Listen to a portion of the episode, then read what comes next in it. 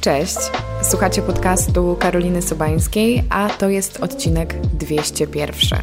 W tym programie poruszamy tematy związane z dobrym życiem i celebracją codzienności.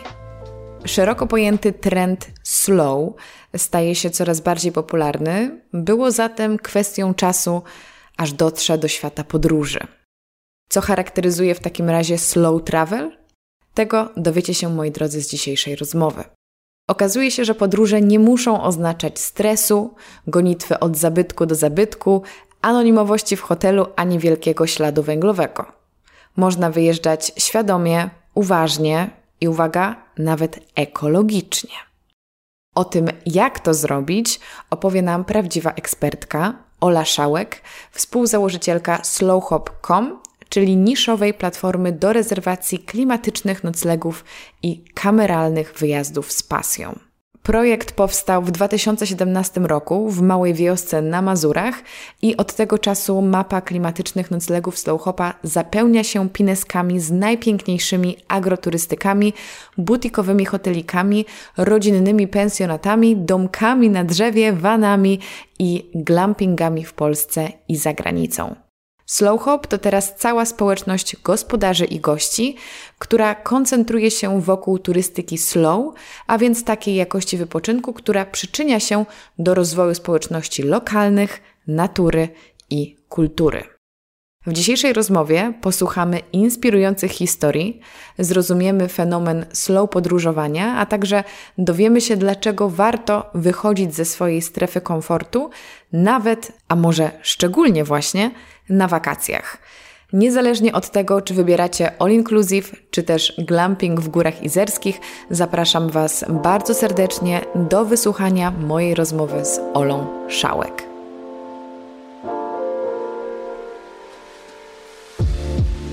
Cześć Ola. Cześć Karolina. Bardzo jest mi miło gościć Cię w programie, szczególnie, że tematy slow są tutaj dość powszechne, zarówno w moim życiu, jak i w tym programie. E, mówiliśmy wielokrotnie już o slow życiu, codzienności, o slow modzie, o slow jedzeniu, no ale z Tobą jestem tu po to, żeby porozmawiać o slow podróżach. Czy istnieje w ogóle definicja slow podróżowania? Wiesz co, nam się to udało um, usiąść tak naprawdę do tego, w sensie nam, czyli zespołowi mojemu, głównie dziewczynom, um, usiąść do tego rok temu, bo stwierdziliśmy, że rzeczywiście jakby brakuje takiego jednego manifestu mhm. tego slow podróżowania. Usiedliśmy sobie, usiadłyśmy sobie właściwie i, um, i taki manifest sobie napisałyśmy. I w tym manifestie mamy parę punktów, to nie jest nic, nic wielkiego, ale tam y, są takie punkty, które są dla nas ważne i które y, pozwalają nam nie pomylić tego slow z czymś innym. Bo my się zorientowaliśmy, wiesz, my wystartowaliśmy slow hopa w 2017 no i przez ten czas też się dużo uczyliśmy. Dużo uczyliśmy się od ludzi, którzy rezerwują te wyjazdy za pomocą, za pośrednictwem Slowhopa. Um, od gospodarzy się bardzo dużo uczyliśmy i też jakby obserwowaliśmy to, co się dzieje na świecie. I miałam takie wrażenie, że jest jakieś pomylenie pojęć mhm. na pewnym etapie. To znaczy, to slow jest taką sielskością. Czyli to jest taki, taki dobrostan, sielskość, yy, ale tak naprawdę to nie do końca o to chodzi. E, bo przecież, no tak właściwie jak się jakby zaczyna myśleć o całym tym ruchu slow, który się rozpoczął przecież od slow foodu, prawda? On się rozpoczął od tego, że e, parę osób się awanturowało przy schodach hiszpańskich, że, e, że powstaje nowy McDonald's w Rzymie i gdzie jest ta jakość, tak? I tak naprawdę w, w ogóle w slow chodzi o jakość i w slow podróżowaniu też o to chodzi. To znaczy tam, gdzie wiesz, ty mówisz o, o jedzeniu, tak? Czyli o tym gotowaniu z, ze składników e, z dobrego, pochodzących z dobrych mhm. źródeł. Mm. Czy o slow modzie, czy teraz jest, nie wiem, slow sex, czy slow pedagogika, tak? To jakby wchodzi już w tej chwili na wszystkie e, dziedziny życia. I tak naprawdę chodzi o jakość. Czyli chodzi o to, żeby się nie zadowalać czymś, co jest um, szybko dostępne, tanie, łatwe, tylko żeby postarać się dotrzeć nieco głębiej i wejść w relację z tym czymś. I na przykład w przypadku e, turystyki to jest wchodzenie w relacje z, e, z gospodarzami, z jedzeniem też, z naturą oczywiście. Mm, I ta relacja jest w, tych, w, w tym po prostu no, jedną z najważniejszych rzeczy, ale też w przypadku slow podróżowania to jest ważne, żeby się pozbyć takiej pokusy, którą my mamy bardzo często jako podróżnicy, żeby wejść na jakąś stronę, na przykład TripAdvisorowską mhm. i zobaczenie top 10 atrakcji w danym mieście na przykład. I potem, e, wiesz, takie szalone po prostu odhaczanie tych, e, tych atrakcji, no bo przecież jesteśmy powiedzmy gdzieś, nie wiem, na tydzień, dwa tygodnie, no to musimy to wszystko zobaczyć, prawda? Nie wiemy, czy tam jeszcze wrócimy. E, no więc to jest złe podejście, to nie jest slow podejście. Mm, slow podejściem będzie zakotwiczenie gdzieś na trochę dłużej i właśnie nawiązanie tych relacji. E, ja mam, e, wiesz, taki, pamiętam taką rozmowę z e, gospodarzem, z gospodynią właściwie Pałacu Warlity, to jest takie miejsce w, na Warmii i ona mi opowiadała o tym, że jak odtwarzała ten pałac, a odtwarzała go właściwie z ruin, no to oczywiście bardzo była dla, mnie, dla niej ważna estetyka i jak to, jak, to, jak to zrobić wygodnie i fajnie dla gości. E, i zaprojektowała takie huśtawki na, nad jeziorem, bo to jest miejsce nad jeziorem o wdzięcznej nazwie Platyny. Słuchaj, huśtawki brzmią jak raj instagramowy. Właśnie, to, to jest... E, no tak i ona, to ogóle było bardzo ciekawe to, co ona opowiedziała, że Ludzie, którzy przyjechali tam e, do niej odpoczywać, to oczywiście mieli takie listy stworzone, że tam trzeba zobaczyć to, pojechać mhm. tu, nie wiem, wejść do jakiegoś lasu i tak dalej, jakiś park krajobrazowy. Ale koniec końców, jak usiedli w tych huśtawkach, to siedzieli w nich cały weekend i tylko po prostu przynosi, przy, przynoszono im kawę. Kawę, herbatę czy tam wino. I ona mi opowiedziała, że to było dla niej tak szokujące, że oni jak zasiedli w piątek tak. w tych huśtawkach, to już zostali tam do, do niedzieli. No ale to jest właśnie jakby istota tego, że, że ty nie musisz e, przy tych podróżach slow po prostu pędzić, yy, robić coś na sztukę, odhaczać, mhm. tylko właśnie troszeczkę wejść w to głębiej. To wchodzenie w głębiej w, w relacje, dowiedzenie się, jaki jest kontekst tego, co jesz, tego, co jest, co nosisz, e, tak, jakie nosisz ubrania, czy, e, czy właśnie to miejsce, w którym jesteś. Ten, ten kontekst i ta historia i to dziedzictwo jest po prostu w, w slow e, podróżach bardzo ważne.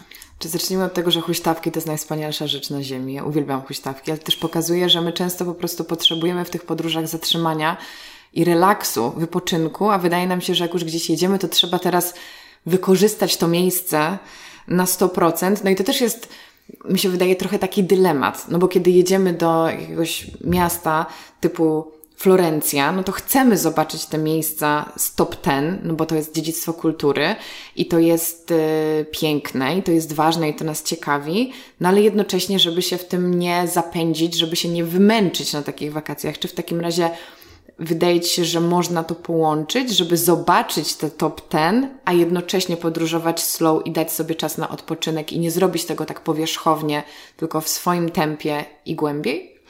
Mm, wiesz co, no to jest kwestia wyborów, bo... Mm, tak, z mojej perspektywy, jeżeli ja gdzieś jadę, ja, ja Ci powiem, że byłam e, w zeszłym roku, by, byłam z rodziną na Majorce i nas, yy, oczywiście przygotowując się na ten wyjazd, yy, czytałam masę przewodników, dostałam od koleżanki yy, tam listę miejsc, plaż, które koniecznie muszę mhm. zobaczyć, tych plaż jest mnóstwo.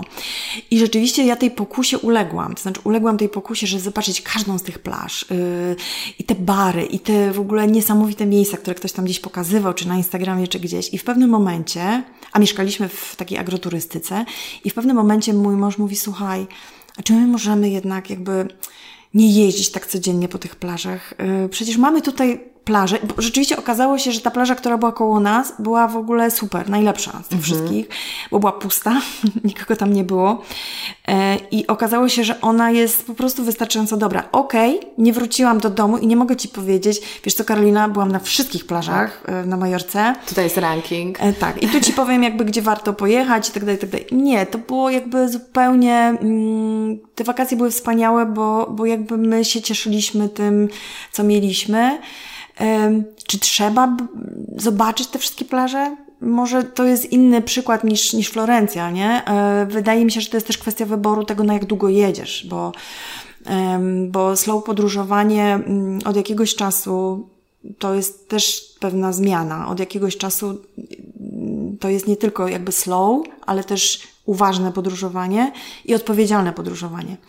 E, I te terminy właściwie się nakładają na siebie. Jest to takie mm, e, coś, co jest e, jakby po, po przeciwstawnym, na przeciwstawnym biegunie masz masowe podróżowanie, mhm. czyli takie szybkie właśnie mm, zwiedzanie, oglądanie tego, co jest, co, co no wiemy, że trzeba zobaczyć po prostu, nie?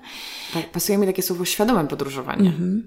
Tak, to jest, y, tak, bo to są też Twoje świadome wybory. Czyli Ty w momencie, kiedy jedziesz do Florencji, no to musisz sobie zadać pytanie, czy Ty chcesz biegać po, e, zobaczyć i galerię Uffizi i po prostu mi, milion różnych rzeczy, czy Ty byś chciała zobaczyć tą galerię, bo interesują Cię oczywiście te obrazy i zobaczyć, zostać tam cały dzień, a to potem pójść na przykład na te flaczki po florencku, które ktoś tam gdzieś e, e, słyszałeś, że robi właśnie Jakaś sposób... nonna. Tak, tak, dokładnie tak. E, ja mam też wrażenie, że jeżeli chodzi na przykład, bo to jest zupełnie coś innego mm, e, podróżowanie do miast, a co innego podróżowanie gdzieś właśnie w takie mhm. miejsca wiejskie.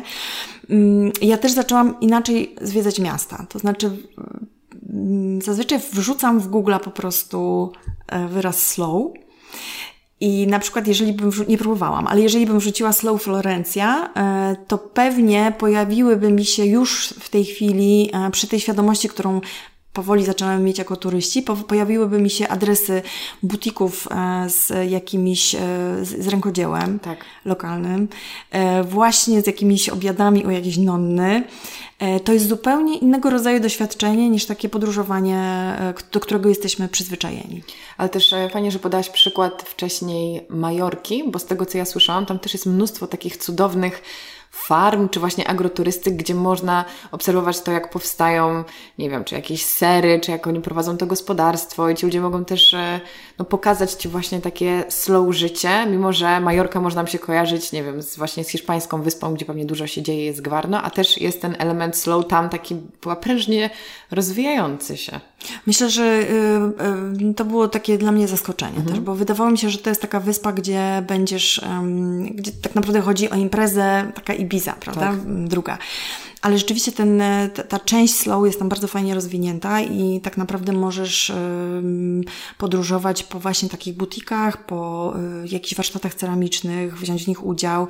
Świetna taka knajpa, knajpa właściwie, takie miejsce, gdzie, które prowadzone jest też przez Polaków From Farm to Table, gdzie jest bardzo trudno w ogóle zarezerwować miejsce, bo Ale wszyscy super. chcą to zobaczyć ale faktycznie to są doświadczenia. To jest też jakby, to, to slow podróżowanie jest też związane bardzo mocno z turystyką doświadczeń. Mhm. Co to e, znaczy? E, turystyka doświadczeń to jest taki termin, który do, bardzo się rozwinął w momencie, kiedy milenialsi weszli na ten rynek turystyczny, a w tej chwili milenialsi to już jest połowa tak mhm. naprawdę turystów, ludzi, którzy podróżują, więc to jest duża część nas. Um, my zaczęliśmy szukać czegoś innego niż to, czego szukali nasi rodzice. To znaczy, my po prostu wakacje to nie jest dla nas e, słońce, plaża i, i piasek, tylko ciekawe doświadczenia. I im ciekawsze, tym lepsze. A mhm. właśnie y, ciekawe doświadczenia to jest, y, to jest właśnie zjedzenie, y, zjedzenie posiłku czy kolacji degustacyjnej, na przykład w lesie. W Polsce powstaje dużo bardzo takich inicjatyw. Mi się to bardzo podoba, bo to jest, no, mm, po pierwsze to jedzenie, które jest tam podawane jest, jest rzeczywiście z źródeł, no, takich odpowiedzialnych. Poza tym ludzie, którzy się tym zajmują, chcą pokazać jakby no, trochę inny sposób, e, sposób jedzenia i inną, e, inne okoliczności mhm. jedzenia. Czyli e, kolacje właśnie w lesie, kolacje na farmach, czy po prostu w gospodarstwach. Mm, to są świetne w ogóle pomysły na to, żeby, żeby trochę inaczej spędzić czas, inaczej jeść poznać ludzi też. Mm, wiesz, to co mi, dla mnie na przykład w takim slow podróżowaniu jest fajne, to jest przekraczanie własnych granic też, bo um, ja pamiętam e, taką jedną z pierwszych podróży e, do jednego z naszych slowhopowych miejsc. To była stara szkoła w Piaskach na Mazurach Garbatych, blisko zresztą mojej obory, którą tam mamy. I tam y, pani Ania, która przygotowuje posiłki, mm, ona zaprasza do takiej jadalni, która jest w budynku no, specjalnie jakby stworzonym, żeby tam można było jeść. Ona tam gotuje, ma, ma te piece swoje wszystkie, tam się tajemnicze rzeczy dzieją gastronomicznie. Natomiast to, co mnie zaskoczyło, to było to, że my y, byliśmy sadzani przy okrągłych stołach, ale to nie były stoły rodzinne dla czterech osób, gdzie czujesz się no w miarę, powiedzmy, my jechaliśmy czwórką jako rodzina, więc jakby naturalne by było, żebyśmy usiedli przy tak. takim czteroosobowym e, stole, ale to były stoły siedmioosobowe na przykład. I my jako rodzina lądowaliśmy y, przy tym stoliku jedząc pyszne rzeczy, które robiła pani Ania, na przykład z dwoma Niemkami. I było to takie dla mnie trudne, bo ja musiałam troszeczkę e, wyjść spoza tej mojej strefy komfortu, e, rozmawiać z osobami, które są z innego kraju, więc rozmawiać w, w, po angielsku. Nie było to proste mhm. na początku dla mnie. Szczerze mówiąc, wolałabym się zamknąć w tej mojej takiej tak. banieczce rodzinnej i, i, nie wiem, rozmawiać z moją rodziną, bo jest to po prostu prostsze, tak? No ale po trzech dniach e, takiego e, bycia tam, e, ja zaczęłam, znaczy już wcześniej oczywiście zaczęłam z nimi rozmawiać, ale było niesamowite, ile ja się rzeczy dowiedziałam. To mhm. znaczy, dlaczego oni w ogóle tam przyjeżdżają, te podróże sentymentalne, jakie miejsca zwiedzają, tak? Muzeum na przykład Kajki, czy coś. W ogóle o nim wcześniej nie słyszałam. Jakby to, to po tym, jak wróciłam stamtąd, to ja miałam świadomość taką, że ja coś przeżyłam, kogoś poznałam, dowiedziałam się bardzo wielu rzeczy. Y, też oni mi poradzili pewne miejsca, które, które, które warto, warto zobaczyć. I e, pamiętam, jak mówił, rozmawiałam z, z architektem kiedyś, który powiedział, że te długie stoły się w Polsce na początku nie chciały przyjąć. Znaczy te długie stoły, które teraz są w restauracjach tak. czy w kawiarniach, ponieważ ludzie się ich bali. Bali mhm. się siedzieć razem z obcymi ludźmi i przekraczać swoje granice, tak? Siedzieć blisko, jeść z kimś, kogo się nie zna. Mm. Ale my się już do tego doświadczenia trochę przyzwyczailiśmy. E, I tak jak tu Ci opowiadam o tych okrągłych stołach, gdzie musiałam przejść e, troszeczkę, e, troszeczkę siebie pokonać, to tak pamiętam taką, taką wizytę w górach i właściwie to było, to są bardziej no tam okolice Gór Izerskich na Dolnym Śląsku. Tam jest takie miejsce, które się nazywa Dzikie Róże, odrestaurowane. Zresztą zdobyli nagrodę za najlepszą renowację roku zeszłego na Dolnym Śląsku. Piękne miejsce. I e, to doświadczenie tam polegało na tym, że e, rano i po południu, kiedy był mm, termin e, posiłków, my wszyscy wychodziliśmy ze swoich pokojów, mm, wszyscy goście, spotykaliśmy się przy właśnie takim długim drewnianym stole i szła na przykład kolacja. Kolacja była podawana w taki sposób, że tam została zachowana przy renowacji taka e, tradycyjna winda, którą było przesyłane jedzenie z dołu na górę, Ale czyli z kuchni na górę. I e, my czekaliśmy oczywiście, to było pyszne wegańskie jedzenie. Pamiętam, że czekaliśmy, oczywiście była, była taka karta, na której można było zobaczyć, co dzisiaj będzie podawane. E, I jedna osoba, e, i, i słyszeliśmy, że tam już się na dole coś dzieje, i ktoś pukał, czy dzwonił, już nie pamiętam, chyba dzwonił, że trzeba było podejść do tej windy i przyciągnąć to jedzenie. I zawsze jakaś jedna osoba mhm. z tego naszego towarzystwa, przecież obcego, my się w ogóle nie znaliśmy, yy, mówiła, no to teraz ja idę przyciągnąć tą, yy, tą windę. I to jedzenie przyjeżdżało, wszyscy się oczywiście cieszyli, yy, rozmawialiśmy o tym, dokąd jedziemy jutro, co widzieliśmy takie kontakty i takie relacje to jest, yy, mi się wydaje, że to jest jakby najważniejsza rzecz właśnie w, w, w, tego typu podróżowaniu, bo ty się bardzo otwierasz na ludzi, poznajesz tych ludzi, oni są otwarci na ciebie. To jest, yy, no to jest coś, czego ja się nauczyłam osobiście przy tego typu podróżach, żeby przekraczać tak. swoje granice. To było i jest takie moje duże zastrzeżenie i na pewno coś, o czym chciałam z Tobą porozmawiać, mm -hmm. bo powiedziałaś, że w Polsce te stoły długo się przyjmowały. Czy z Twojej obserwacji Polska jest jednak takim krajem chciałam powiedzieć dzikus, bardzo niepoprawne słowo, ale takich ludzi zawstydzonych, którzy wolą być w swoim gronie. I czy to się zmienia rzeczywiście? Czy to się zmienia w nas i przez to chętnie tak podróżujemy, czy właśnie może te podróże też nas otwierają? Czy nadal jest taka nisza, że nie można mówić, że te podróże nas tak zmieniają? Ale właśnie, czy polskie społeczeństwo jest naprawdę tak zamknięte? Wiesz, no to jest tak, że my jesteśmy wychowywani przez, yy, przez jakieś okoliczności. I yy, ja, z, yy, ja też byłam osobą, która podróżowała all inclusive. Mhm. I teraz, wiesz, jakby pamiętam do, doświadczenia moje, że jedziesz w takie miejsce, gdzie siadasz przy stole, masz oczywiście ten bufet, jedziesz, nie wiem, do Turcji na przykład, do mhm, jakiegoś all inclusive'u, nie? I siadasz, masz ten ogromny bufet, który się nigdy nie zamyka i siedzisz przy tym swoim stoliku tych stolików jest po prostu tam setki w, tym, w, tej, w tej jadalni czy w tej restauracji. Ty nie masz tak naprawdę z nikim kontaktu. E, tak.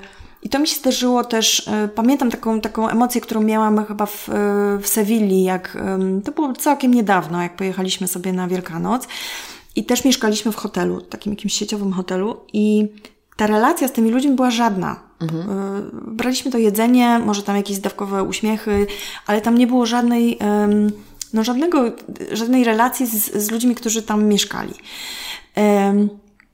Także wydaje mi się, że sposób podróżowania jakoś cię tam też wychowuje. Jakby mhm. mówi, się, mówi się, że podróże kształcą i podróże otwierają ludzi, ale to jest właśnie to, że my trochę musimy zdecydować, jakie podróże. No bo jeżeli ja bym jeździła dalej na te wszystkie all-inclusive, to pewnie te długie, te długie stoły w tych knajpach dalej byłyby dla mnie problemem. W tej chwili one nie są dla mnie problemem, bo mnie te e, podróże tak otworzyły, że ja się cieszę na jakąś rozmowę. E, na początku ta rozmowa jest taka zawsze tru, trudna, nie? To jest takie pierwsze te słowa. Lekka kogoś, niezręczność. Lekka niezręczność, taki, taki, taki po prostu awkward, nie? Że musisz, musisz e, pokonać trochę siebie, ci ludzie też muszą siebie trochę, żeby, żeby zacząć mhm. rozmawiać. No ale y, ty się po prostu w pewnym momencie tego uczysz, już wiesz tak. jak zacząć, jak, e, no to jest, ja uważam, że to po prostu fajnie działa wychowawczo, także ja bym nie powiedziała, że my jako Polacy mhm. jesteśmy zamknięci, tylko my mamy jeszcze jakąś robotę do wykonania. E, takie otwarcie się właśnie na trochę inny sposób, um, sposób podróżowania i sposób przeżywania różnych rzeczy. Um, ja myślę, że jest coraz lepiej, to znaczy wydaje mi się, że my powinniśmy w ogóle o tym mówić. E, powinniśmy mówić o tym, że e, wiesz, jak była pandemia, to, my, to był taki szybki eksperyment na żywym organizmie. Dokładnie 4 maja 2020 roku od, yy, skończył się lockdown. I my mogliśmy zobaczyć na Slowhopie, jak otworzyły się, już widzieliśmy, że się otwieramy, bo przecież wcześniej wszystko było zamknięte. Yy, natomiast ludzie mieli obawy i nie mogli chyba jeszcze wtedy podróżować za granicę. To było jakby, po pierwsze było to obarczone jakimiś obawami, tak. nie było to wygodne, bo te testy i tak dalej, i tak dalej. No więc wiadomo było, że trzeba podróżować blisko. I e, wyobraź sobie, że e, ten, ten, my jako t, ten slow travel, to jesteśmy tylko po prostu jakimś absolutnym promilem rynku. E, tak naprawdę większość ludzi podróżuje no, w stronę komfortu, mhm. czyli w stronę takiego komfortu, no, takiego all inclusive, all inclusive e, o Jezus, takiego all inclusive, tak? Większość z nas tak podróżuje, bo to jest wygodne. I tu nagle e, zapragnęliśmy czegoś innego jako, jako społeczeństwo, tak? Chcieliśmy pojechać właśnie bardziej gdzieś na odludzie, bo tam było bezpieczniej. Mhm. No to może rzeczywiście ta agroturystyka, bo tam jest tylko pięć pokoi, więc nie będę się spotykać z, z, z wieloma osobami, więc będę bezpieczny. A to niespodzianka. Cała Polska pojechała wtedy w Polskę i my czegoś takiego nigdy w życiu nie widzieliśmy. Nasi gospodarze mówili, że czegoś, jakby to był taki, ci ludzie, którzy do tej pory podróżowali właśnie mhm. do tych sieciowych hoteli, oni wylądowali w tych agroturystykach. Ja pamiętam, że to był bardzo ciężki sezon, bo bardzo wiele osób, które nie miały pojęcia, czym, są mhm. takie slow, e, czym jest taki slow travel, nagle trafiło w te nasze Żyło miejsca. lekki szok po prostu. Tak, i nagle wiesz, mhm. okazuje się, ale gdzie są telewizory? Mhm. Dlaczego nie macie telewizora?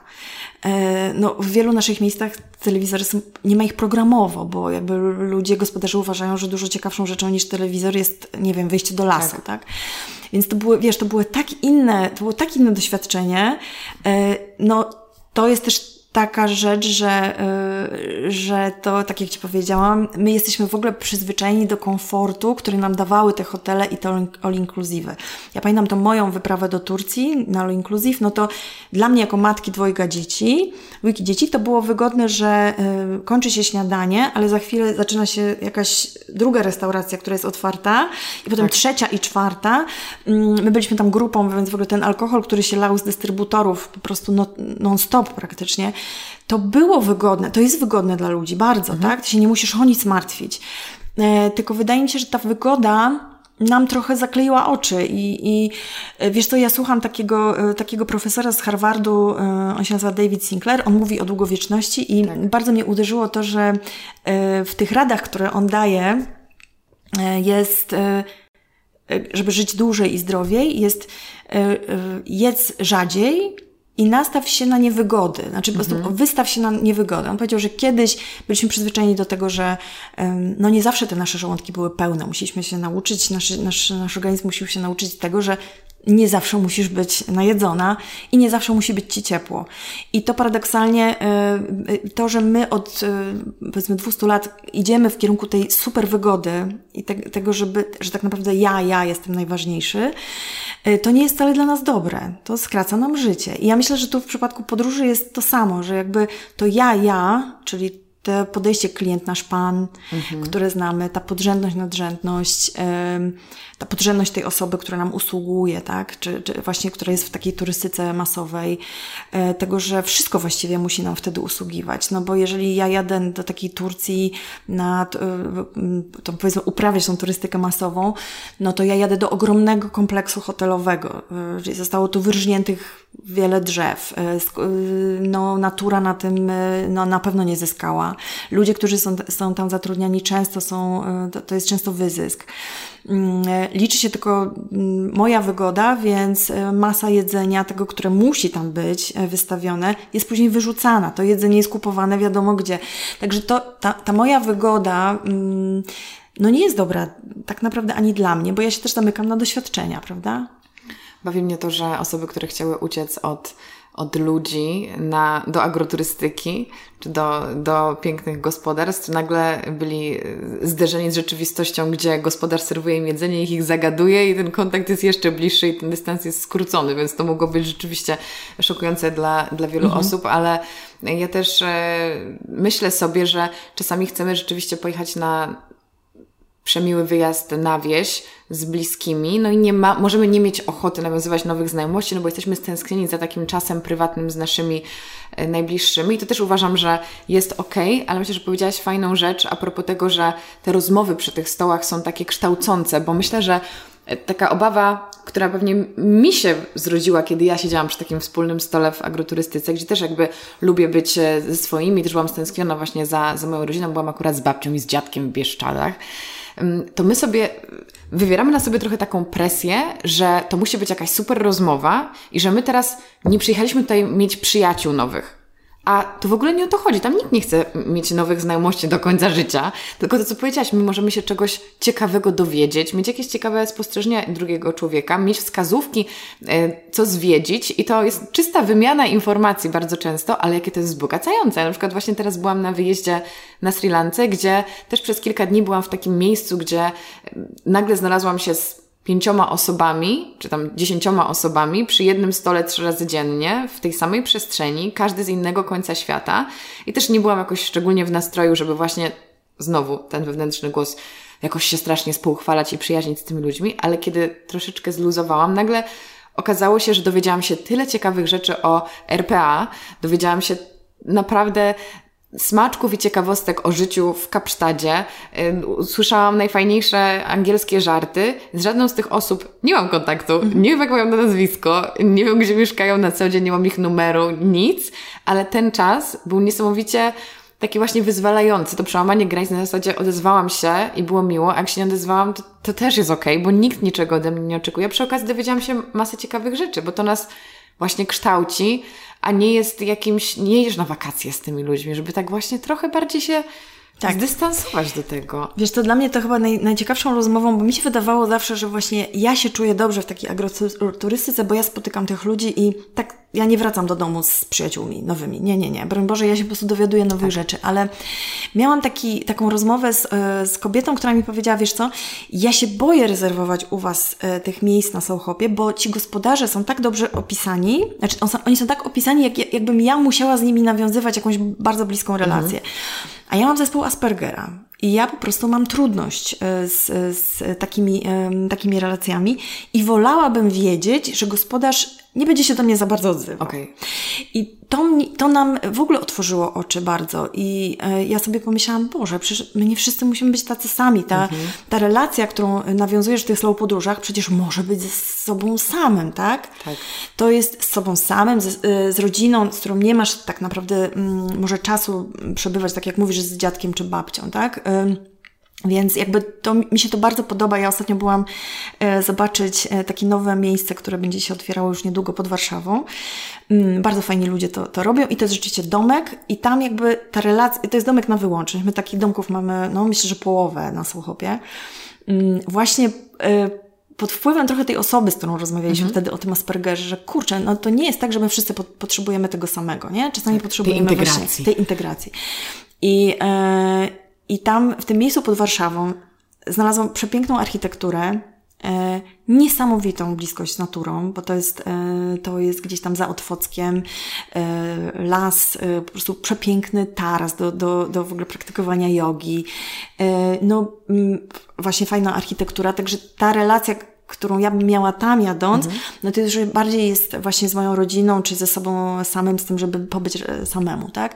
W ogóle to jest niesamowite, że mm, trochę się zmienił nasz sposób podróżowania, bo kiedyś, pamiętam na Slowhopie, bardziej, bardziej ludzie mm, na przykład wybierali duże domy, żeby jechać z przyjaciółmi. Mhm. Od jakiegoś czasu, i to myślę, że to jest kwestia pandemii, mhm. um, bardzo dużo wybieramy domków takich bardzo małych, gdzie możemy pojechać w dwójkę, na przykład ze swoim, e, tam, ze swoim e, drugą połówką. E, no i właśnie takie małe rodzinne, nie? Że, że małe, tak. żeby pobyć ze sobą po prostu. To jest super. Ja Ci powiem szczerze, że mm, ja w ogóle jestem mm, ja mam dziecko w edukacji domowej, więc każda dla mnie e, okazja, żeby ją czegoś nauczyć, jest fajna i na przykład e, takim super sposobem to są posiłki wspólne.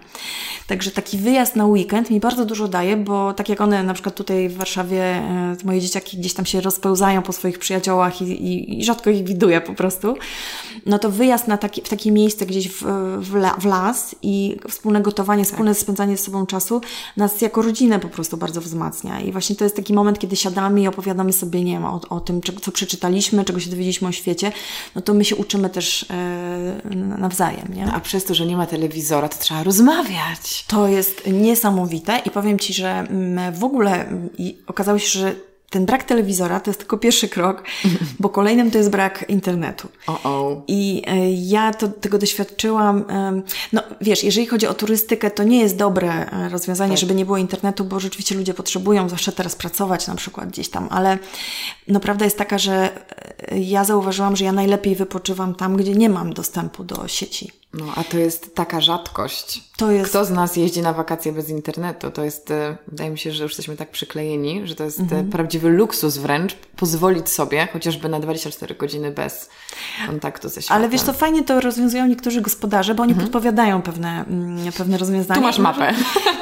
To też, ale na przykład mają skrzyneczki, takie skrzyneczki i mówią, y, no dobrze, to może masz ochotę pobyć bez, y, bez zasięgu, no to tu sobie możesz włożyć swoje wszystkie sprzęty do tej skrzyneczki, tu jest kluczyk, możesz nam nawet ten kluczyk oddać, my będziemy tego pilnować za Ciebie.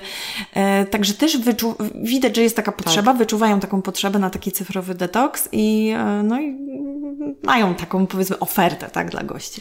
Ale też e, bardzo, bardzo piękne to, co powiedziałaś o tym dyskomforcie, bo na, też e, przyszło mi do głowy takie pytanie, że skoro tak nam jest komfortowo w tym all inclusive, no to po co mielibyśmy czuć dyskomfort, skoro jesteśmy na wakacjach?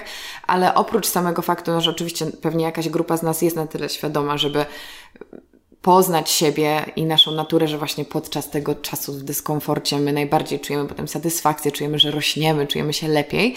To jest jakby jedna rzecz, jedna, jedna grupa, ale właśnie kiedy zaczynamy zwracać uwagę, że ta nasza wygodna turystyka często nie jest taka wygodna dla świata, dla lokalnej społeczności, dla poszanowania zasobów, czy tutaj właśnie chodzi o lasy, czy jedzenie, to wtedy pojawia się zupełnie nowy powód, żeby rzeczywiście ten swój styl podróżowania zmienić. I zastanawiam się, czy ty byś utożsamiała slow podróże, slow turystykę z ekologiczną turystyką, dobrą dla planety? No kiedyś bym Ci powiedziała, że nie, a teraz Ci powiem, że tak. Bo y, wydaje mi się, że to w ogóle jest już od czasu tego sławnego, protestu przy schodach hiszpańskich, no to się już wtedy troszeczkę połączyło, czyli te odpowiedzialne y, źródła jedzenia versus y, właśnie zdobywanie powiedzmy tego, tego, tych produktów no, w taki sposób, jaki teraz znamy, taki masowy.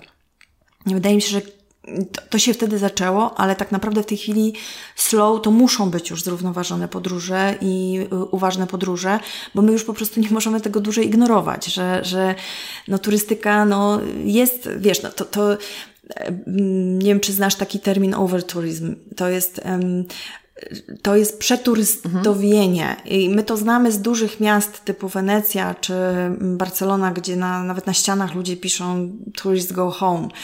No, prawda jest taka, że to, to, że turystyka jest, e, czy podróżowanie po całym świecie jest tak dostępne w tej chwili, no to spowodowało, że no, te ilości ludzi e, i to to zło, co, które my, my możemy e, spowodować, e, no zaczyna być dotkliwe dla społeczności, takich właśnie miejskich.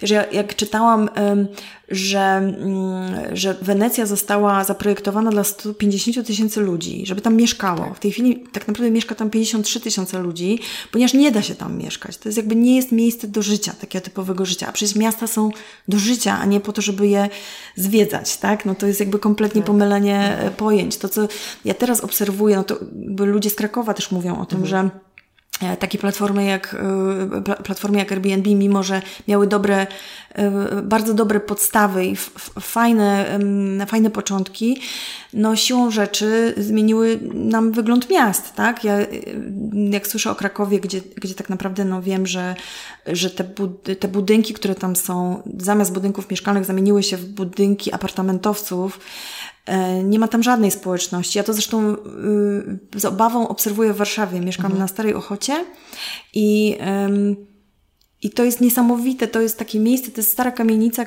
miejsce, gdzie mieszkają jeszcze mieszkańcy ci powojenni.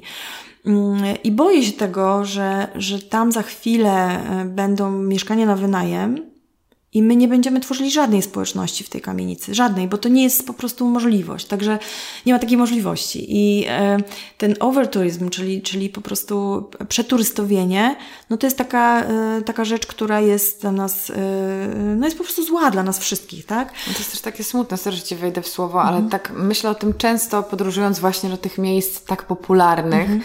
że Włącza się tutaj ten etyczny aspekt, tak? Czy mam też dokładać swoją cegiełkę do tego i też być kolejną turystką w Londynie? Bo teraz y, myślę o tym dokładnie właśnie w kontekście akurat Paryża, że czy w tych pięknych wnętrzach, które, którymi się tak inspiruje, które znam z katalogów i z seriali, mieszkają prawdziwi ludzie? Czy to wszystko jest na sesje zdjęciowe, właśnie na wynajem pod y, turystykę, że te miejsca, które tak sobie idealizujemy, że tak chcielibyśmy tam sobie pożyć, pomieszkać, są tak naprawdę puste, są w ogóle nie do życia?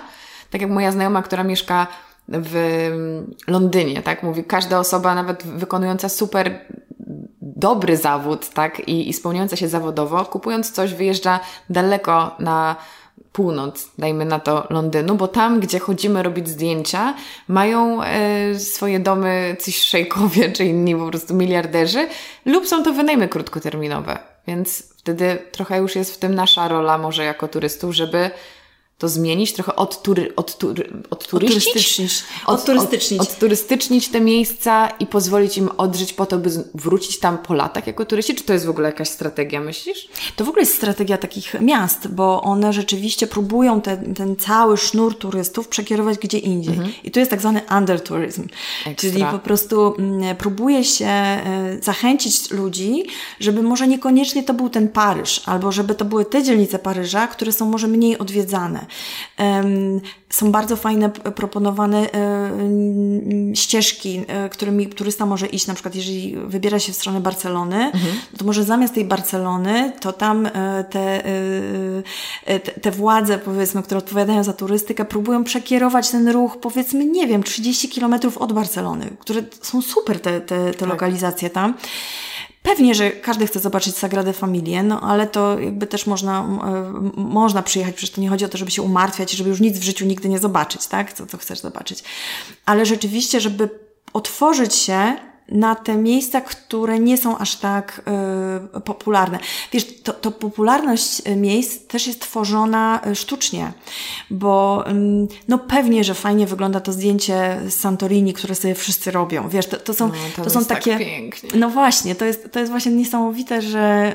Y, są to pewne ujęcia, które wszyscy dobrze znamy, nie? To są tak. te ujęcia z Instagrama, które... Ale Santorini to jest akurat takie miejsce, które jest naprawdę super piękne, bo ja wielokrotnie się rozczarowałam po mhm. oglądaniu wyidealizowanych zdjęć, to na Santorini naprawdę za każdym razem wieczorem zapierało mi dech w piersiach. Akurat byłam w czasach takich pandemicznych, mniej turystycznych, więc jestem bardzo wdzięczna. I tak było 200 osób po prostu na, na skwerze. No tak. Wiesz co, to jest, to jest tak, że te nasze wybory, to jest w ogóle fajne, bo, bo ty jadąc na takie Santorini, chcesz zobaczyć to miejsce, które, które, jest, które znasz po prostu. I to jest, nie ma z tym nic złego, to jest mhm. spoko ale być może ty wybierzesz na nocleg, yy, dokonasz takiego wyboru, że twoim noclegiem będzie miejsce, które, które właśnie jest mniej yy, uczęszczane, tak? Poszukasz sobie tego.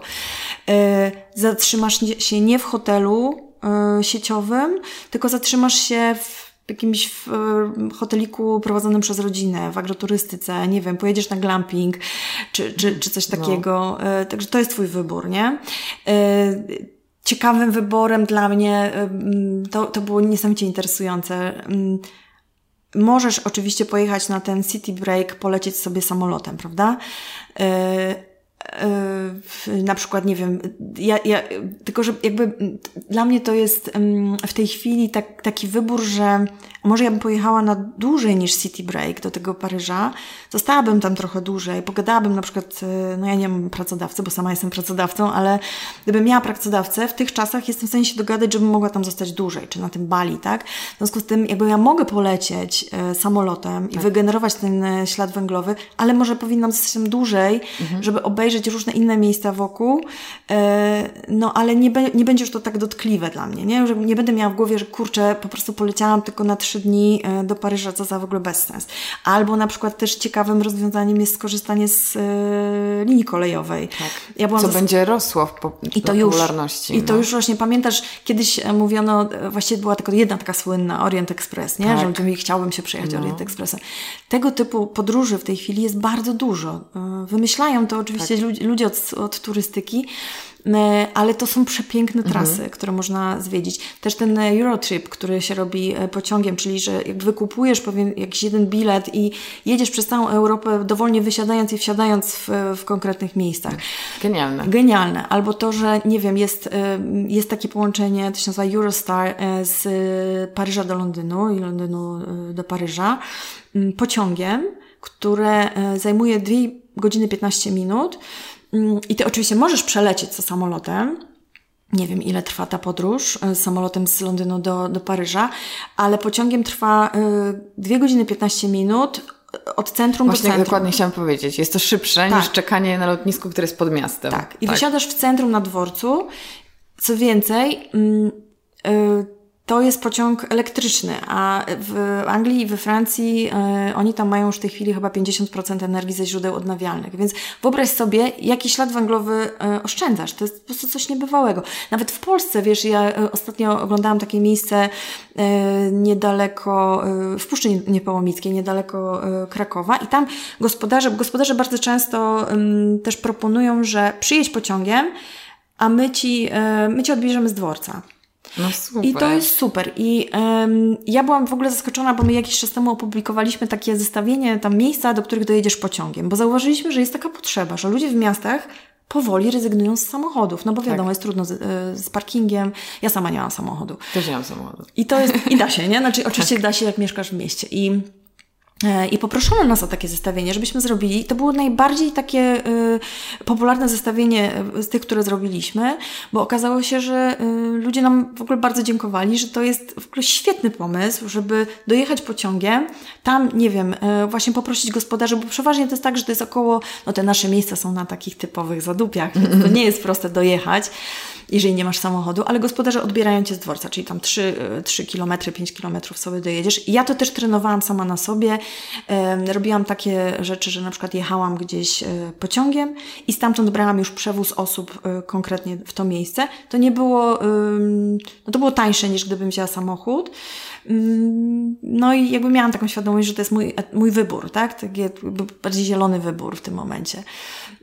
No fajnie, że, że po prostu każdy taki nasz, każda taka nasza decyzja może, może troszeczkę gdzieś tam pomóc. No i też na miejscu pewnie można wypożyczyć rowery, plus dla mnie podróż pociągiem jest najwspanialsza na Ziemi, bo można sobie patrzeć przez okno i podziwiać zmieniający się krajobraz. To jest moim zdaniem przyjemniejsze niż samolot pod tym względem. Ja na przykład jak mieszkałam w Edynburgu i chciałam sobie pojechać do Londynu, to moim marzeniem było właśnie pojechać pociągiem, żeby sobie zobaczyć fragment Szkocji i całą mhm. Anglię po drodze, bo to krajoznawczo, no arcyciekawe.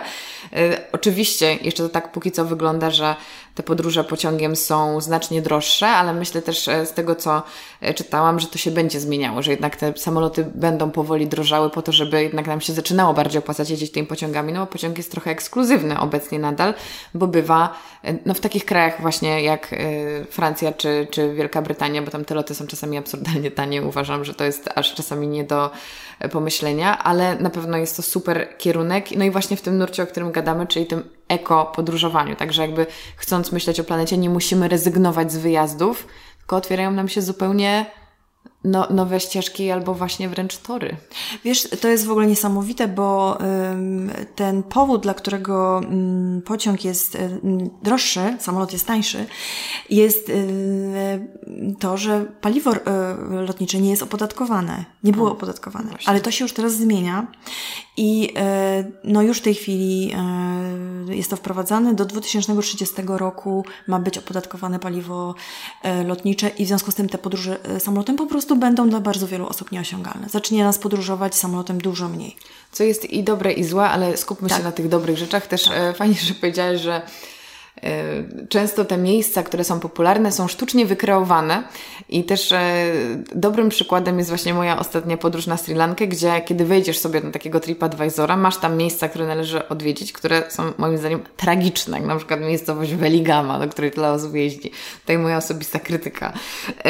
Bo my często po prostu powie... ktoś nam powiedział, że to jest fajne, no więc my to usłyszeliśmy, więc tam pojechaliśmy, no nie sprawdziliśmy nic innego, więc finalnie to jest nasz obraz danego kraju i powielamy to, powielamy, wpisujemy, że tam trzeba pojechać, tworzy się taki ranking i na dobrą sprawę dojeżdżamy na miejsce i stwierdzamy, kto ten ranking w ogóle zrobił, mm. więc nie, tak nie do końca warto może śledzić te najbardziej komercyjne i takie mainstreamowe e, rankingi, bo też ludzie przez to, że nie mają porównania i dalej yy, przycierali te same, czy po prostu jakby utrwalali te same schematy podróżowania, no to przez to nie poznali tych nowych rzeczy, a może właśnie tak jak mówisz, wpisując sobie slow yy, w armii, akurat to jest proste, ale powiedzmy tak. slow Toskania, to też wydaje się być bardzo piękne, można znaleźć blogi, gdzie ludzie piszą o tym, albo właśnie portale, gdzie jest to pięknie e, opisane.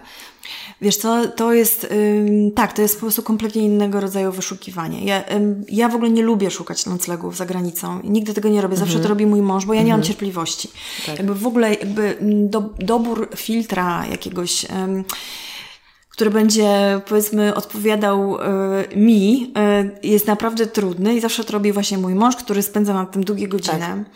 I za każdym razem, jak wyjeżdżamy za granicę, to y, mówimy, Boże, czemu tam jeszcze nikt takiego sołchopa nie wymyślił? Mhm. Bo jest to po prostu prostsze, jak masz jeden katalog, który jest przez kogoś sprawdzony. I pod Ciebie. Wiesz, że to jest tak. po prostu Twój styl podróżowania. Tak, to jest, to w ogóle jest ciekawy pomysł, żeby, mm, wiesz, y, nasi gospodarze lubią gości ze, oni mówią, lubimy gości ze Sochopa, bo oni już wiedzą, czego się spodziewać na miejscu, czyli trochę inaczej się zachowują. To nie, przeważnie nie są to goście z masowej turystyki, albo jeżeli e, są, jeżeli jakby przenoszą się do, do, do, do tej slow turystyki, to są otwarci na, na po prostu na jakieś inne doświadczenia. Yy, i my robimy po prostu ogromną robotę taką ze sprawdzaniem tych miejsc. Wiemy, co jest ważne, wiemy, y, wiesz, wiemy, na co zwrócić uwagę i tak dalej. To jest na, po naszej stronie. Y, no a dodatkowo jeszcze, wiesz, mamy gości, którzy są takimi też y, gatekeeperami, w tym sensie, że oni na przykład jadą w jakieś miejsce i mówią, wracają i mówią, słuchajcie, ale to w ogóle nie powinno być na slowhopie. E, to mm -hmm, musicie coś mm -hmm. z tym mhm. zrobić, bo tutaj było, no to nie, nie tak, nie? I to jest dla nas mega ważne. My to później rzeczywiście, my rozwiązujemy umowy też z, z, z rezygnujemy ze współpracy z różnymi tam miejscami. Jeżeli rzeczywiście nie są to e, takie miejsca, no powiedzmy, które gdzieś tam pasują do nas i do naszych e, gości, nie?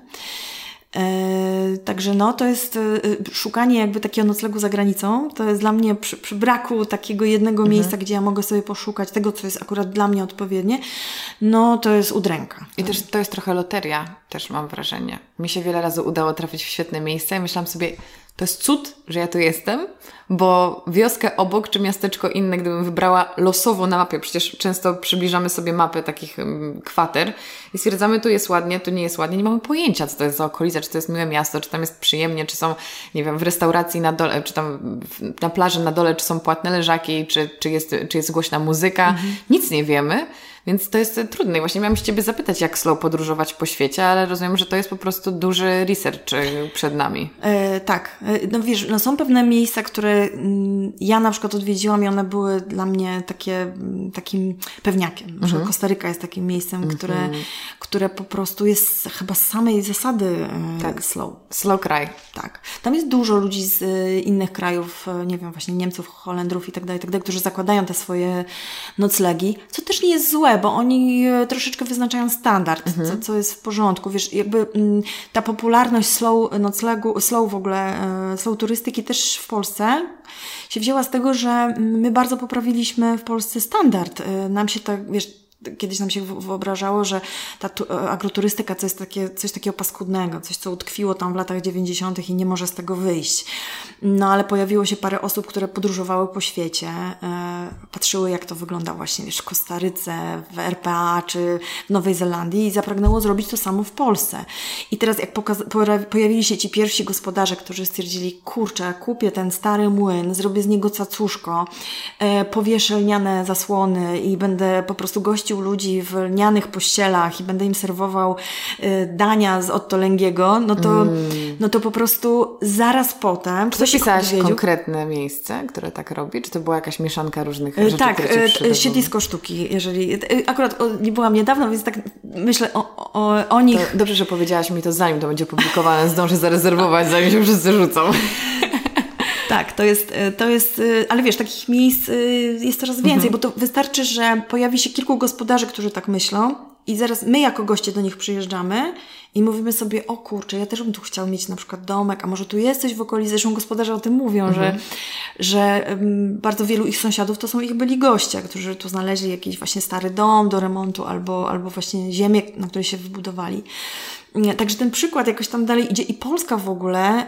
Yy, ja to w ogóle jest, uważam, że to jest jakieś e, coś niesamowitego, że my zaczynamy być takim super centrum tej slow turystyki, mhm. właśnie noclegowej, bo u nas to poszło jak burza. Wiesz, my myśleliśmy właśnie, że w, będziemy mieli te 300 miejsc, e, bo tych takich ikonicznych miejsc, które były opisywane na blogach czy tam w różnych gazetach, no były, była taka zamknięta liczba. No pomyśleliśmy sobie, że no dobrze, no ich jest ich powiedzmy 60, no to, no to na pewno gdzieś tam poukrywane jest jeszcze trochę, no to pokażemy te, te jeszcze trochę. Wiesz, w tej chwili w Polsce mamy 880 miejsc. Wow. My jak zaczęliśmy liczyć, ile by nam to zajęło, żeby je wszystkie objechać, no to tam nam wych, wyszło chyba 5 lat. Yy, tak po, po, po, dwie noce, nie? Żeby, bo jedna noc. I non-stop podróży. Non-stop podróży w ogóle, nie? Więc realnie dla osoby, która sobie wjeżdża parę razy w roku, ma do końca życia już tak, miejsca. Tak, ma zagospodarowany ten, e, ten, tą część życia i rzeczywiście jakby Polska jest taka, tu się zaczyna bardzo dużo dziać. I, mm,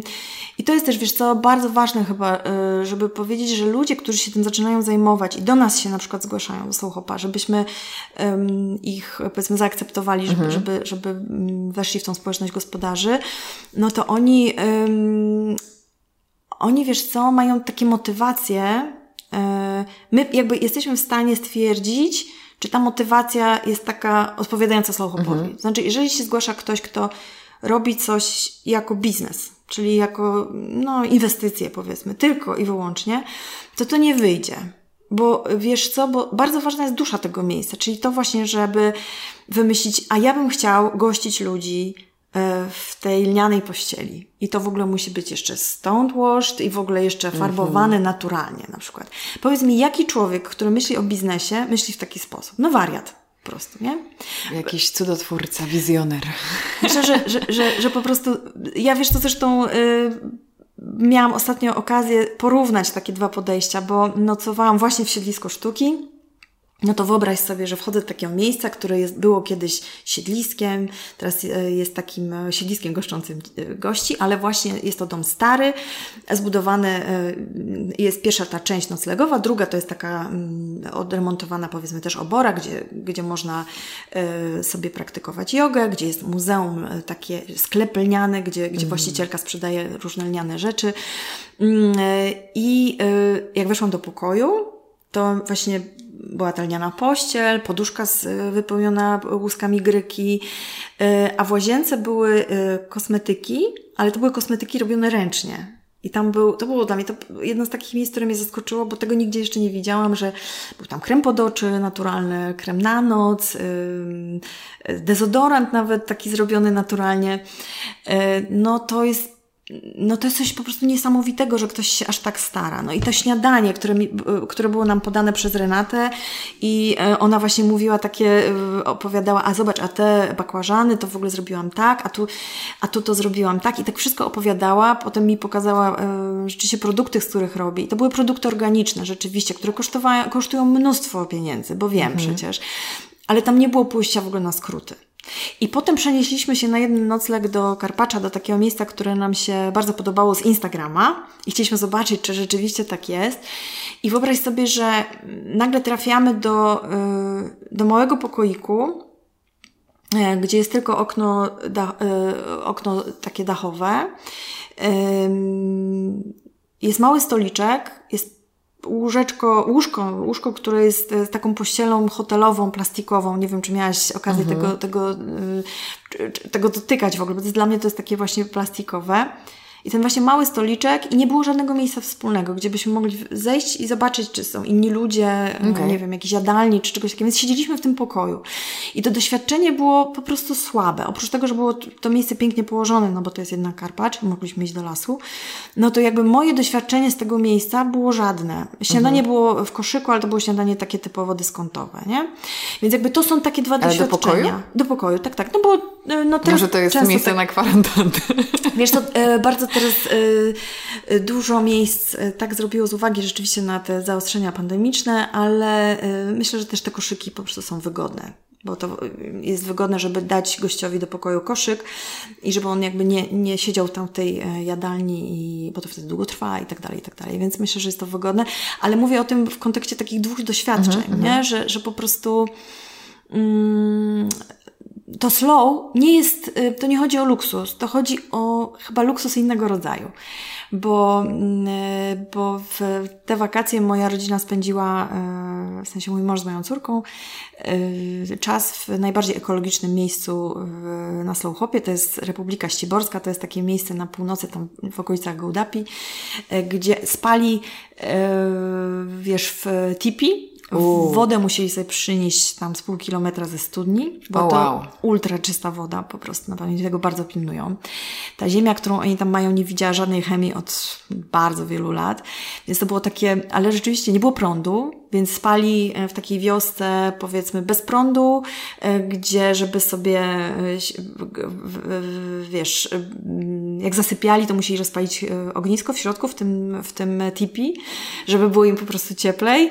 I to było, mm, to też, było, to też było slow, tak? To było zupełnie inne slow mhm. niż to, które ja przeżyłam tam z mhm. tym lnem i tymi kosmetykami i, tym, i tą kuchnią od Tolęgiego, nie? Więc jakby... Czyli każdy może mieć swoje slow i sobie dostosować tak. swoje slow pod swoje preferencje. Nie musi to być e, survival, może to być e, taki właśnie glamping, czy właśnie super eleganckie slow, ale z poszanowaniem e, zasobów, jakości, rzemiosła, z najlepszym jedzeniem. Myślę, że to jedzenie jednak jest takim wątkiem bardzo łączącym, jest, że to jest ważne i, ba i, bardzo dobrze. Ale czy to w takim razie oznacza, że trend slow rośnie w Polsce, będzie rósł i on ma szansę wejść do main mainstreamu, czy w ogóle Chcemy, żeby on wszedł do mainstreamu? Też się nad tym zastanawiałam, czy chcemy, żeby wszedł do mainstreamu. Wiesz co, no, y, jeżeli mówimy o slow w kontekście zrównoważonej turystyki i ekologii, to my chcemy, żeby on wszedł do mhm, mainstreamu. Mm -hmm. Bo byłoby w świecie idealnym super, gdyby, gdyby ludzie wybierali takie miejsca, które mm, jednocześnie pozwalają się rozwinąć regionom. Bo wiesz, to jest tak, że jeżeli ty wybierasz jako Karolina taką agroturystykę gdzieś na wsi, a nie wybierasz hotelu sieciowego, no to ta agroturystyka, te pięć pokoi, ci gospodarze, którzy tam są, dają pracę ludziom, którzy na przykład sprzątają w tej agroturystyce, dają pracę ludziom, którzy, yy, którzy przywożą jedzenie do tej agroturystyki, tak. czyli rozwijają się też gospodarstwa rolne wokół. I to są gospodarstwa rolne już w tym momencie, gdzie na przykład gospodarz mówi, słuchajcie, ale ja nie przyjmę od Was rzeczy, które są yy, hodowane na randapie, nie? Mhm. To musi być, muszą być jakieś certyfikowane uprawy, albo to muszą być jajka zerówki i tak dalej, i tak dalej. Więc to jest też podniesienie świadomości jakby okolicy, i podniesienie świadomości tych gospodarzy, którzy do tej pory na przykład e, zupełnie inaczej tak. funkcjonowali. E, twoje pieniądze nie idą do żadnych sieci hotelowych w tym momencie, tylko one idą konkretnie do tych ludzi, do tego, e, do tego środowiska, które się rozwija. Ja byłam totalnie zaskoczona, byłam totalnie zaskoczona, że mm, jest taki wielki renesans kół gospodyń wiejskich w tej chwili mhm. w Polsce. One są te dziewczyny niesamowite. One tam rzeczywiście siedzą e, na tych wsiach, tworząc sobie takie organizacje, robiąc przetwory, odnawiając stare przepisy, które tam kiedyś funkcjonowały. W ogóle ci ludzie, którzy tam jeżdżą, którzy, którzy zakładają powiedzmy te społeczności, to są ludzie bardzo głodni mm, e, poznawania historii tych miejsc. Więc ja w ogóle miałam dużo kontaktu z ludźmi, którzy, z gospodarzami, którzy mówili, wiesz co, bo my tu walczymy o te lokalne e, stare cmentarze na przykład i je odrestaurowujemy. Albo na Mazurach gospodarze walczą o aleje lipowe, które są wycinane, które są przecież no, ważne no. dla tamtego regionu. E, na, w Górach Izerskich walczą o to, żeby nie było tam wyrzucane śmieci z całej Europy. To są po prostu prostu ludzie, którzy walczą trochę w naszym imieniu mm, o to dziedzictwo, powiedzmy, tak? O dziedzictwo to, to jako, o natura i o, i o to dziedzictwo historyczne. I ja na przykład jestem zachwycona zawsze tak, jak tam przyjeżdżam i widzę, że oni, e, że oni są zaangażowani nie tylko w to, żeby, żeby tutaj zrobić ten dobry, nie wiem, przyjąć tych gości, ale oni zaraz jadą gdzieś, żeby coś organizować. Tutaj Polecają nam na przykład właśnie warsztaty, bo, bo nie wiem, w okolicy są jakieś y, pracownie ceramiczne czy, czy jakieś inne i oni mówią, słuchajcie, jedźcie tam, bo tam jest Kasia, Kasia robi ceramikę, Kasia zrobi Wam warsztaty. No przecież super, że moje pieniądze pójdą do Kasi, prawda, a nie pójdą gdzieś tak. tam y, indziej. Mm, no i to jest, wydaje mi się, takie no, mega pozytywne, nie? Czujesz też, że robisz tak, coś dobrego. Tak, tak. Czyli jakby ten trend pokazuje, że rośnie, ale też przez to zmienia trochę całą branżę, bo zastanawiam się, takie pytanie właśnie kończące mam trochę z serii czy jajko, czy kura, czyli czy to zmienia się turysta, więc przez to gospodarze wiedzą, że muszą trochę modyfikować sposób, w jaki na przykład prowadzą swoje gospodarstwa, czy nawet już hotelarze, takie całe, cała mhm. branża się zmienia, czy to wychodzi właśnie od tych gospodarzy, którzy dbają o swoje, um, nie wiem, o okolice, serwują Ci jakościowe jedzenie i wtedy uczą Ciebie jako turystę, zobacz, możesz tak, możesz mi oddać telefon, możesz zjeść w ten sposób, możesz mieć naturalne materiały, czy oni po prostu wzajemnie się uczą i to sobie pięknie kwitnie? No wiesz co, ja Ci mogę powiedzieć na podstawie mm, e, właśnie takich zachowań ekologicznych. To jest chyba najlepszy przykład tego, jak to na siebie wpływa. To jest tak, że ja zapytałam ostatnio gospodarzy, czy coś w tym roku robią takiego właśnie proekologicznego u siebie. I tam było po prostu milion pomysłów, co robią e, od tego, że a w tym roku my e, postawimy w każdym pokoju szklane butelki i będziemy uzupełniać wodę od nas, tam tą uzdatnioną wodę. A my to wpuszczamy w nasz kompost, jakieś specjalne dżdżownice, które mają coś tam robić. A my to, i tych pomysłów e, jest mnóstwo, ale to też są pomysły, które im poddają goście. Mhm. I goście, którzy przyjeżdżają czasami w miejsce, które na przykład nie myśli o ekologii, oni tego wymagają. To jest tak, jak wiesz, ja, ja kiedyś byłam na takim rejsie yy, na Karaibach i e, no my się tam kąpaliśmy powiedzmy w taki sposób, jak to na takich rejsach jest, czyli musieliśmy się namydlić i spłukać się po prostu szybko wodą, wodą słodką. I ja spojrzałam na te kosmetyki i wydawało mi się, że to jest straszne, że te kosmetyki to są kosmetyki drogeryjne, takie typowo chemiczne, korporacyjne. I przecież ja się nie mogę tym myć w tym e, morzu. Jak ja mogę to, to spuścić te, te mm. Wiesz, i aż mnie y, świeżbiło, żeby z gospodarzami tego miejsca czy z organizatorami porozmawiać o tym, dlaczego nie zmienicie tych kosmetyków. No przecież to jest jakbyś to się w ogóle nie wiąże. I to jest dokładnie tak samo, że przyjeżdża czasami gość w miejsce, które nigdy nie myślało o ekologii specjalnie i mówi, no słuchajcie, no ale a macie, a macie czy macie jajka zarówki? No nie, mamy tylko, tylko trójki no to nie wiem, nie? Gość pokaże też, że jakby mhm. jemu zależy na tych zerówkach. Tak. I gospodarz wtedy myśli sobie, kurczę, coś się zmienia. Coś się zmienia, bo to to gość, który przyjeżdża, mówi, że no nie, to musi trochę inaczej być zorganizowane, że trochę się czasy zmieniły i tak dalej, i tak dalej. Więc wydaje mi się, że to, y, a z drugiej strony, jak przyjeżdża gość czasem do miejsca, które jest właśnie ekologiczne, um, i, I, gospodarz mówi tak, no nie, u nas na przykład nie ma w ogóle telewizorów, czy nie ma, y, nie ma tego czy tamtego, ale jest za to to Albo czy jest to. na przykład wege jedzenie. Albo jest wege jedzenie, które jest y, w ogóle super, y, super takie no, świadome, jeżeli chodzi mm. też o podróżowanie, nie? Więc jakby, no to to już powoduje, że gość mówi, no dobrze, no jak co prawda ja jem steki od rana do nocy, no ale da, pokażcie co tak. macie, nie? A 100% że mu zasmakuje, bo I to, to też jest ten dyskomfort, który może nam finalnie pięknie zaowocować, tak? Jesteśmy sceptyczni, jak to nie zjem mojego obiadu, taki jaki znam z domu, się okaże, że to jest pyszne, poszerza Ci horyzonty, nowe smaki i, i obie strony na tym zyskują. No w ogóle wiesz, jakby te, to, ta rezygnacja z tego super komfortu, mhm. ja nie mówię o tym tu, żeby po prostu się umartwiać, no, no bo przecież jedziemy na wakacje, tylko że to też jest tak, że na wakacjach bardzo często ludzie odpinają wrotki, wiesz, i e, to jest to, że na przykład taki gospodarz się też stara bardzo, nie wiem, e, zaoszczędzić e, wodę, nie wiem, zmniejszyć ilość plastiku, ale my jadąc jako goście, czyli jako turyści, ja wiem, też to widzę po sobie. Wiesz, to są takie rzeczy, że na przykład my nie jesteśmy w stanie zrezygnować z ciepła. My jesteśmy mhm. przyzwyczajeni w mieście, że jest powiedzmy mieszkamy, mieszkamy w mieszkaniach, gdzie jest tam 21-22 stopnie. U mnie jest zimno. Tak, u Ciebie jest zimno. E, ale wiesz, to w ogóle jest ciekawe, bo w obliczu tego kryzysu energetycznego e, wiem, że e, trwają takie mm, rozmowy nad tym, jak przekonać Polaków, żeby opuścili trochę te, te potrzeby swoje. Lepiej śpimy, proszę Państwa, czujemy się, mamy więcej energii, można założyć sweter, jak jest zimno, bo to też tak został skonstruowany tak, człowiek. I ja po prostu tak wolę, jestem też z domu tak przyzwyczajona, że ale... jak jest mi zimno się ubieram. I to, I to wiesz, to, to jest w ogóle niesamowite, bo Ty jesteś, nie ma wielu takich osób. To znaczy my jesteśmy przekonani, przekonani, że jak my jedziemy gdzieś jako turyści, to właśnie musi nam być ciepło. I teraz słuchaj, co się dzieje w taki, takim miejscu? W takich miejscach typu agroturystyki i tak dalej, no to każdy gospodarz Ci powie, że właśnie zakłada sweter, tak.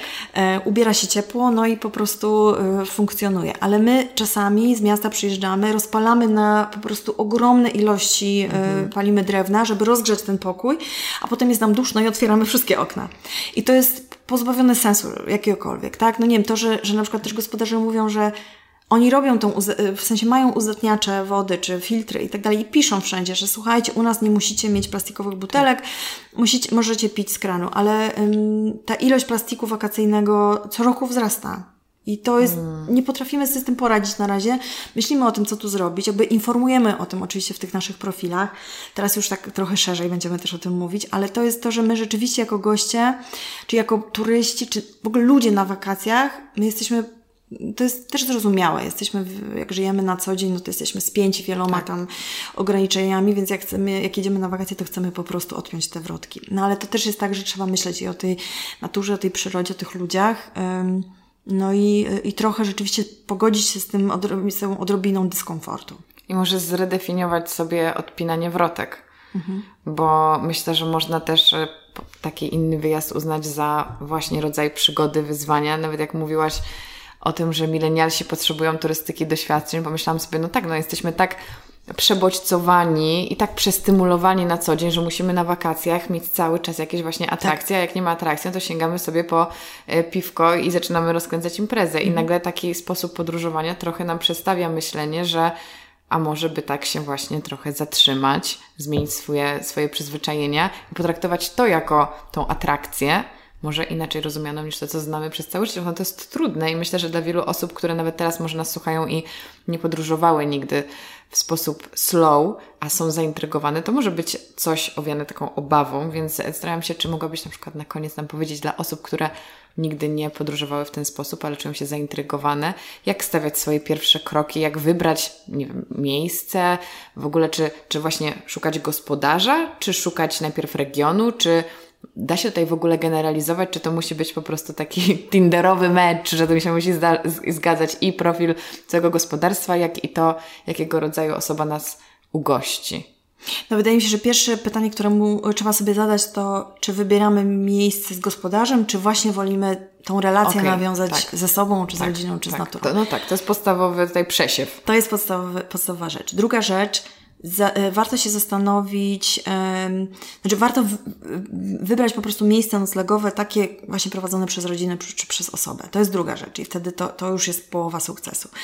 Um, trzecia rzecz, jakiego rodzaju komfortu potrzebujemy? Bo Oczywiście, jeżeli ktoś e, chce mieć e, taki komfort, luks, luksus powiedzmy, mhm. do którego jest przyzwyczajony, to są takie miejsca, ich jest bardzo dużo. Tak. Czyli po prostu prawdopodobnie może mieć nawet lepiej niż w hotelu.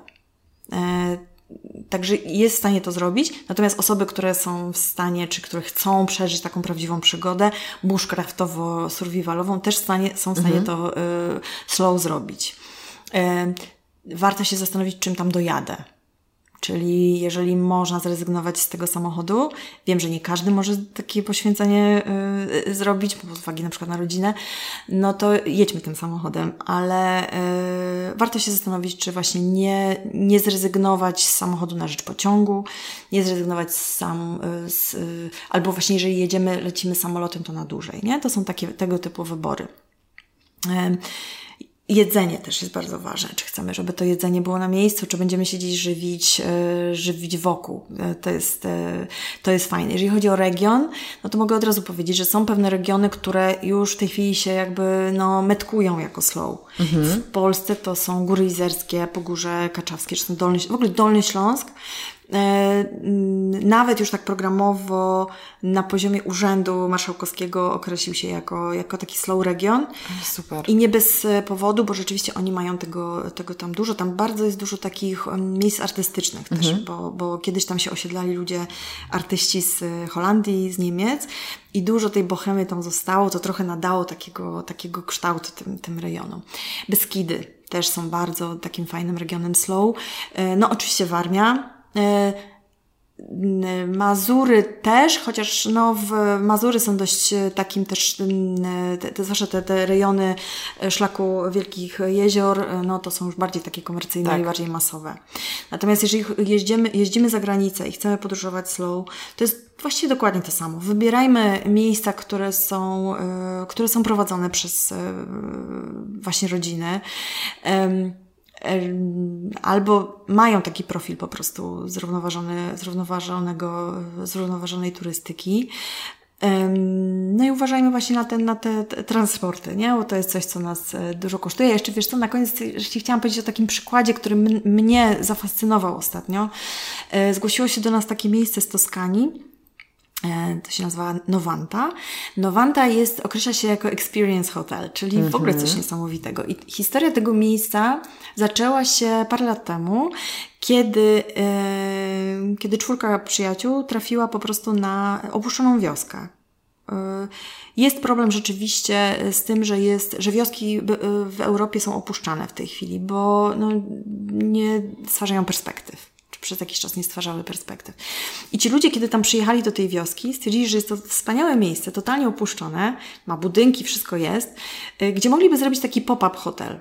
Na 90 dni. Wow. Dlatego nazwali to Nowanta 90, Aha. że będzie funkcjonowało tylko przez 90 dni. Mhm. Ale okazało się, że oni przez te 90 dni zrobili coś tak niesamowitego, bo stworzyli miejsca do nocowania, gdzie ludzie zaczęli przyjeżdżać i nocować.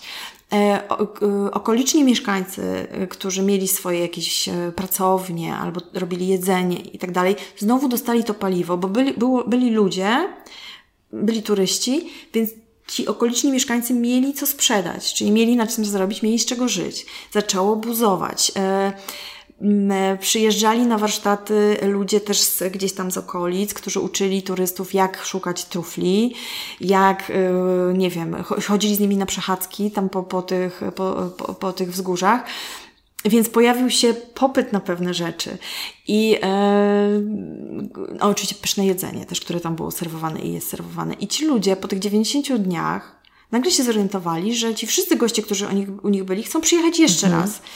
E, czyli już wyjeżdżając, rezerwowali na kolejne na kolejny sezon. E, I to spowodowało, że e, odstąpili od tego pomysłu pop-up hotelu. Przenieśli się tam. Tworzy to teraz taka garstka fajnych ludzi, którzy, którzy ten spowodowali, że ta wieś odżyła. Mhm. Ona nie żyła, tam nie było nikogo. I ona w tej chwili i, i, i to, co jakby dla mnie było niesamowite, jak czytałam u nich na stronie, jakie oni mają plany, żeby dawać zatrudnienie. I to są takie konkretne miary, które oni sobie założyli, że o 50% z rok do roku większe zatrudnienie dla tych ludzi w okolicy, że y, zaczynają uprawiać warzywa, czy tam jakieś różne inne rzeczy, gdzieś tam ruszają jakieś winnice. Czyli zobacz, jak turystyka, która jest fajnie y, wymyślona i fajnie skierowana na dobre, na dobre, y, y, w dobre miejsce, może spowodować rozwój. To mhm. jest coś niesamowitego tego. I to miejsce pojawi się na Slowhopie? Ono jest już na Slowhopie. Ale to oznacza, że u Was będą różne zagraniczne destynacje dla nas też? One już są, tak. tak, tak, tak. Powoli się pojawiają.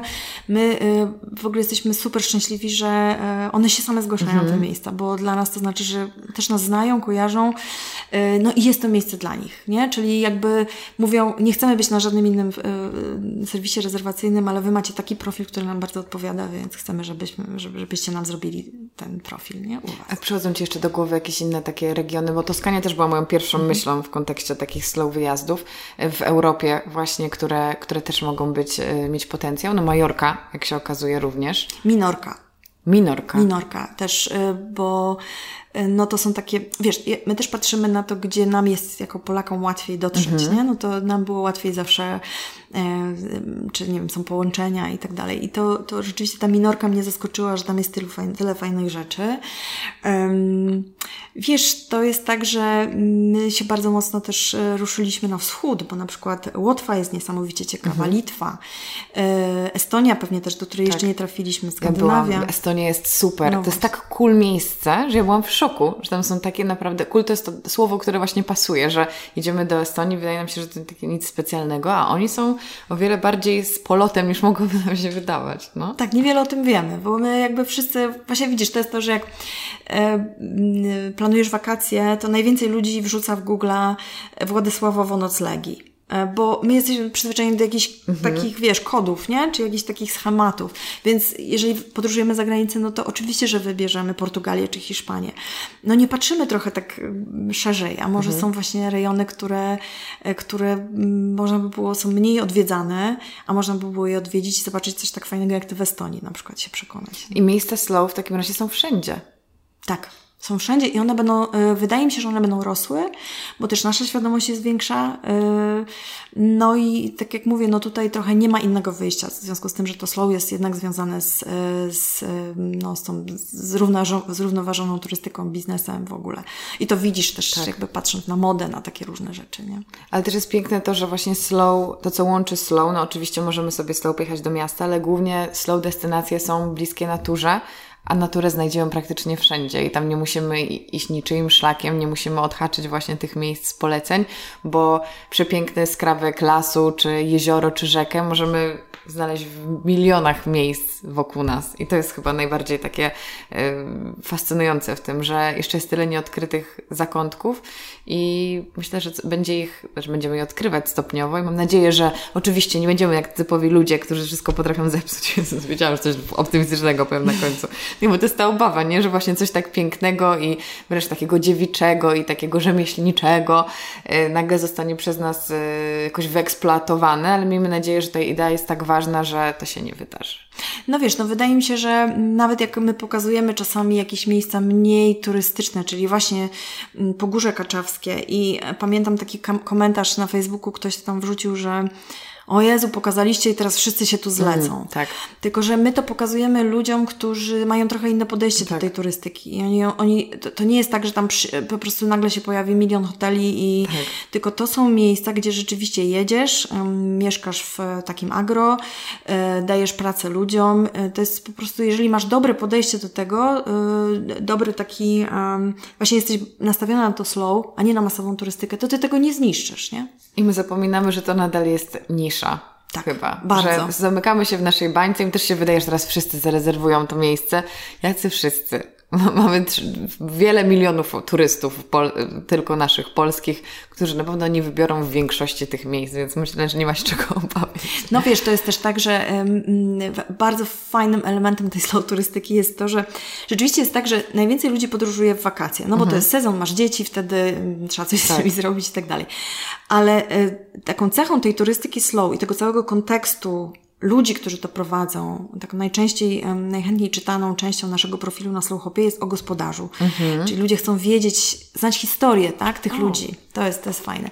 I e, tylko wiesz, no jakby w tej chwili te takie super miejsca na Slowhopie są już e, do końca wakacji, już nie mają wolnych weekendów. I ja na przykład tak chcę tak, w takie miejsce pojechać, i zostały mi tylko dni tygodnia po prostu. Mhm. Ale ja chcę tam pojechać, bo to jest miejsce, które na przykład ja sobie upatrzyłam. Nie wiem, podobają mi się gospodarze. Myślę, że mogłabym z nimi mieć jakiś tam taki wspólny vibe. Mm, i ja wezmę te dzieciaki ze szkoły na ten od poniedziałku do powiedzmy czwartku i pojadę tam. Także to jest y, trochę innego rodzaju też turystyka, bo my wykorzystujemy okresy, które nie są gorącymi datami, takimi czerwonymi datami właśnie wakacyjnymi czy długimi weekendami, tylko dostosowujemy troszeczkę te nasze wakacje do tych wolnych terminów mhm. w, w, tych miejscach. To jest też specyfika, wydaje mi się. To ja muszę się przyjrzeć temu tematowi, bo już e, tutaj zacieram rączki. No, ale ja mogę z tą rozmawiać godzinami. Ten temat jest fascynujący. Wszystkie, no mogłabyśmy powiedzieć wszystkie historie wszystkich gospodarzy, ale y, musimy chyba tutaj postawić kropkę. Ja Tobie bardzo dziękuję za to, jak podzieliłaś się w piękny sposób y, i opowieściami, ale też doświadczeniem i myślę, że zainspirowałaś wiele, wiele osób do zmiany swojego stylu podróżowania. No ja mam nadzieję. Mam nadzieję, że więcej osób będzie podróżowało slow z otwartymi sercami. Och, na pewno. Dzięki i do usłyszenia. Dzięki wielkie. Bardzo Wam dziękuję za wysłuchanie tego odcinka i zachęcam oczywiście do odwiedzania Slow Hopa. Ja, jak zawsze, przypomnę, że mój podcast ukazuje się w każdy poniedziałek o 7 rano i możecie go posłuchać na Spotify, na iTunesie oraz na YouTubie. I na tym ostatnim obejrzycie go również, bo dostępna jest wersja wideo. I na sam sam koniec będzie mi też bardzo miło, jeśli jako słuchacze podcastu znajdziecie chwilę, aby podcast zrecenzować. Można to zrobić na różne sposoby. Na Spotify'u podcast oceniacie, dając mu wybraną liczbę gwiazdek. Tam też oczywiście zachęcam do dodawania podcastu do swoich obserwowanych programów. Na iTunesie również możemy wystawić podcastowi wybraną liczbę gwiazdek, ale też mamy możliwość napisania kilku słów recenzji. Na YouTubie jest e, niezmiennie funkcja subskrypcji kanału, lajkowania filmów i komentowania. Za wszystkie te działania bardzo, bardzo Wam dziękuję, bo one sprawiają, że podcast trafia do szerszego grona odbiorców i jest bardziej promowany. Jeśli macie ochotę na jeszcze więcej treści ode mnie, takich bardziej osobistych i lifestyle'owych, ale również do dyskutowania na tematy podcastowe, to odwiedźcie koniecznie mojego Instagrama Karolina Sobańska. Tam wrzucam regularnie i mamy przestrzeń do rozmowy, i wy dzięki temu macie też wpływ na to, co dzieje się tutaj w programie. Jeszcze raz wielkie dzięki za to, że jesteście, a my słyszymy się w kolejnym odcinku w przyszłym tygodniu. Do usłyszenia. Cześć.